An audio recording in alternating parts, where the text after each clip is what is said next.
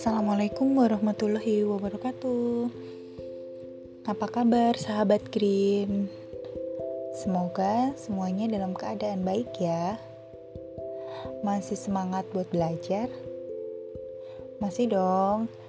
Hari ini aku mau sharing seputar jejak karbon. Apa teman-teman udah pernah dengar uh, apa itu jejak karbon? Jejak karbon atau yang biasa disebut dengan carbon footprint saat ini udah banyak banget sih dibahas di dunia ya utamanya. Jejak karbon itu kalau bahasa sederhananya sih jumlah karbon atau gas emisi yang dihasilkan oleh manusia dari berbagai kegiatan manusia dalam kurun waktu tertentu. Jadi, jejak karbon itu kita hasilkan dan akan memberikan uh, efek yang negatif buat kehidupan kita di bumi.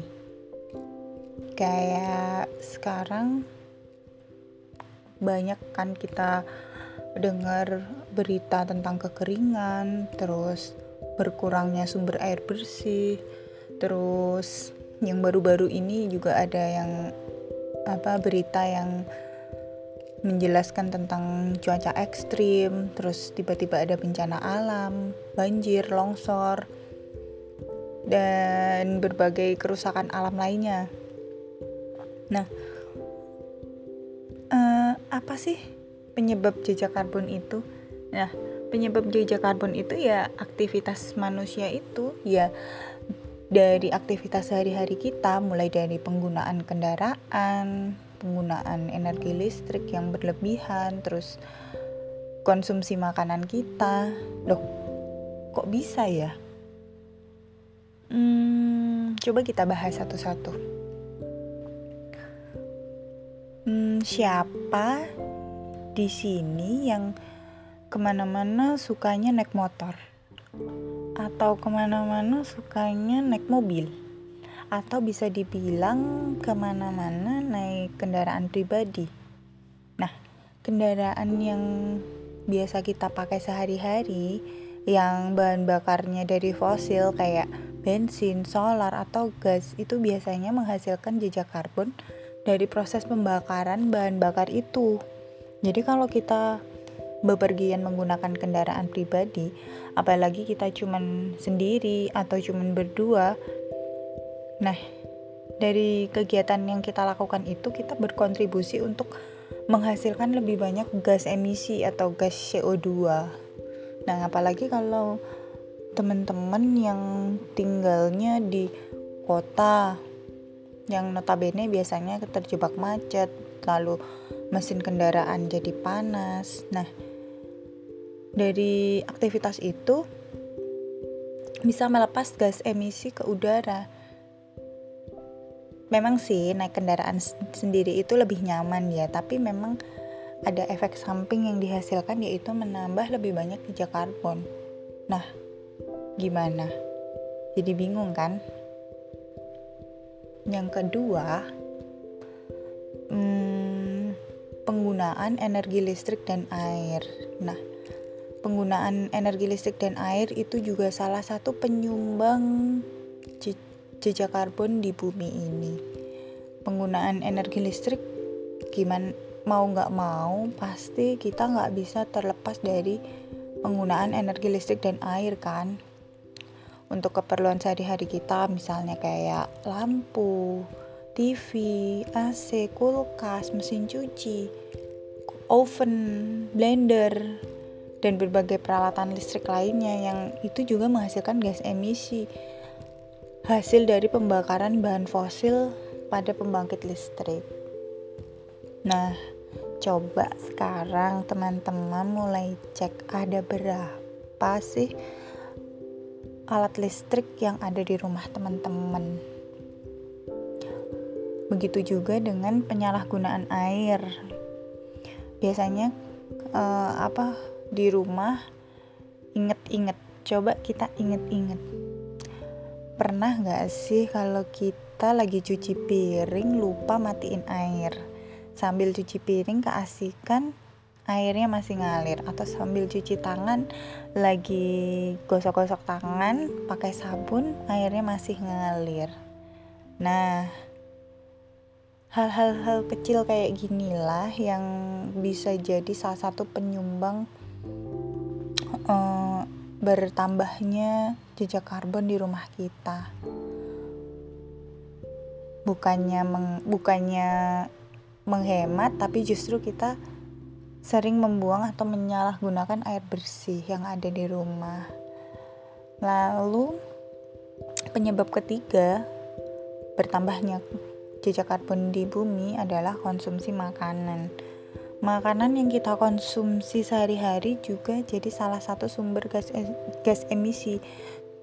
Apalagi kalau makanan yang kita konsumsi itu berpotensi jadi gunungan sampah.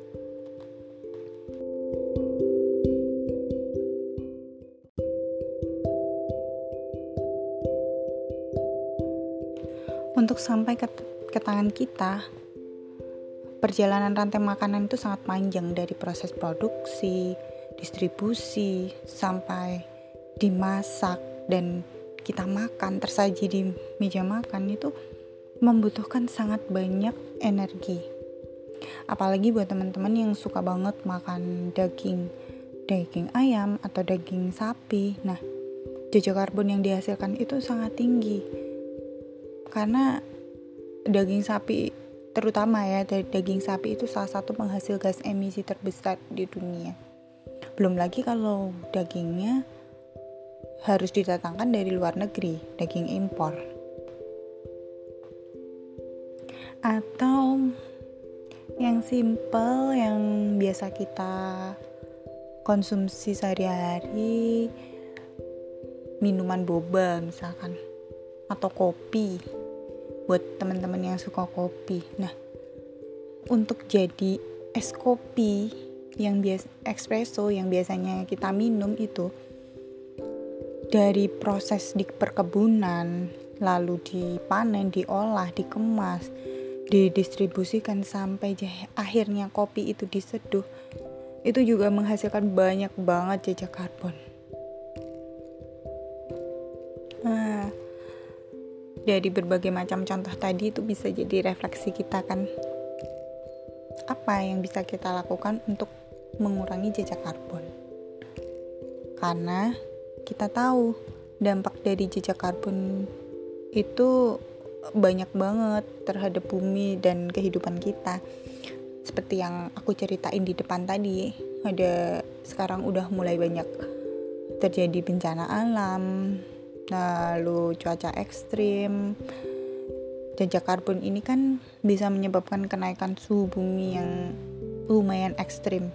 Nah kalau suhu buminya naik juga bisa menimbulkan uh, banyak bencana kayak badai, siklon, banjir, kekeringan, nah macam-macam lah.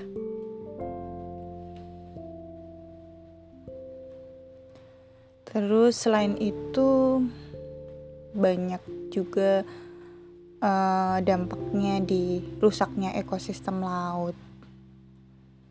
Karena semakin banyak gas emisi yang diserap laut juga menyebabkan uh, kadar asam di laut juga makin tinggi dan itu bisa ngerusak ekosistem laut sendiri.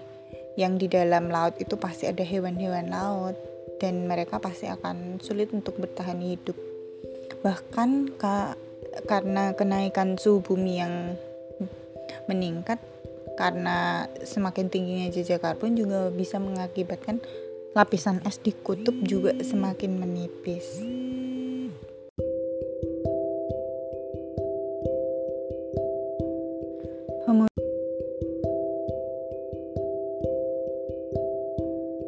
Kemudian berkurangnya uh, air bersih. Berkurangnya air bersih itu juga disebabkan karena semakin tingginya jejak karbon.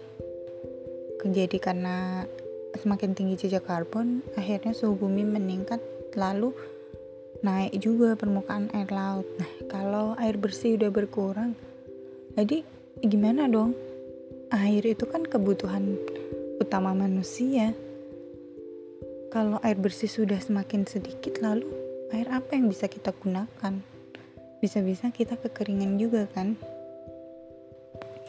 Lihat fenomena ini kira-kira apa sih yang bisa kita lakukan untuk mengurangi jejak karbon ini?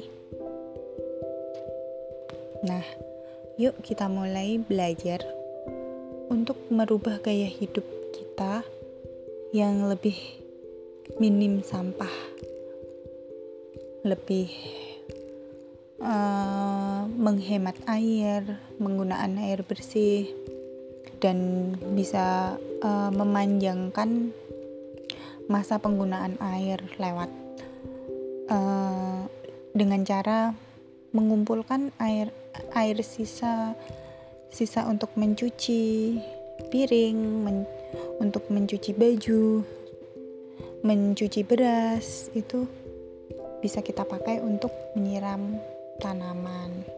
Kita juga bisa mengurangi konsumsi bahan makanan impor dan mulai beralih uh, mengkonsumsi makanan lokal. Kalau bisa sih belanja dengan tetangga sendiri. bawa tas belanjaan sendiri kalau lagi mau belanja terus perbanyak makan sayur dan buah tentunya buah lokal yang mudah sayur dan buah lokal yang mudah kita temukan di daerah kita mengurangi konsumsi makanan dengan jejak karbon tinggi seperti daging atau minuman-minuman kemasan, boba, kopi dengan konsumsi makanan atau minuman yang dibuat sendiri di rumah menggunakan bahan lokal dan alami. Kemudian kalau bisa kita mengurangi penggunaan kendaraan yang kendaraan bermotor untuk perjalanan yang kurang dari 2 kilo misalkan. Kita bisa coba untuk beralih naik sepeda misalnya atau naik uh, atau jalan kaki atau naik kendaraan umum dan kita bisa lebih bijak menggunakan kendaraan pribadi dengan menggunakan kendaraan bermotor yang hemat bahan bakar.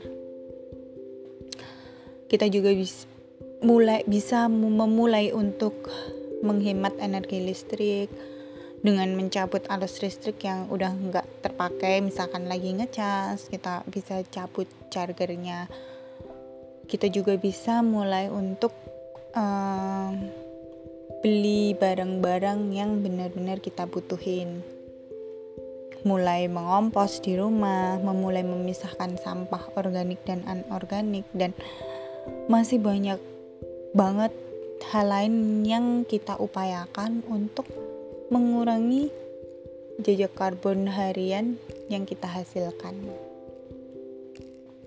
Mungkin itu yang bisa aku sharing. Mohon maaf kalau misalkan ada yang salah atau kurang dalam penyampaiannya. Satu hal yang harus kita ingat, se tidak ada hal yang sulit untuk dilakukan Mungkin memang sulit di awal, tetapi kita bisa memulai untuk berproses demi melestarikan bumi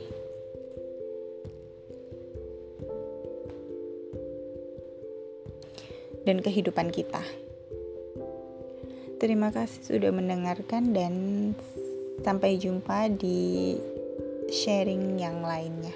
Wassalamualaikum warahmatullahi wabarakatuh.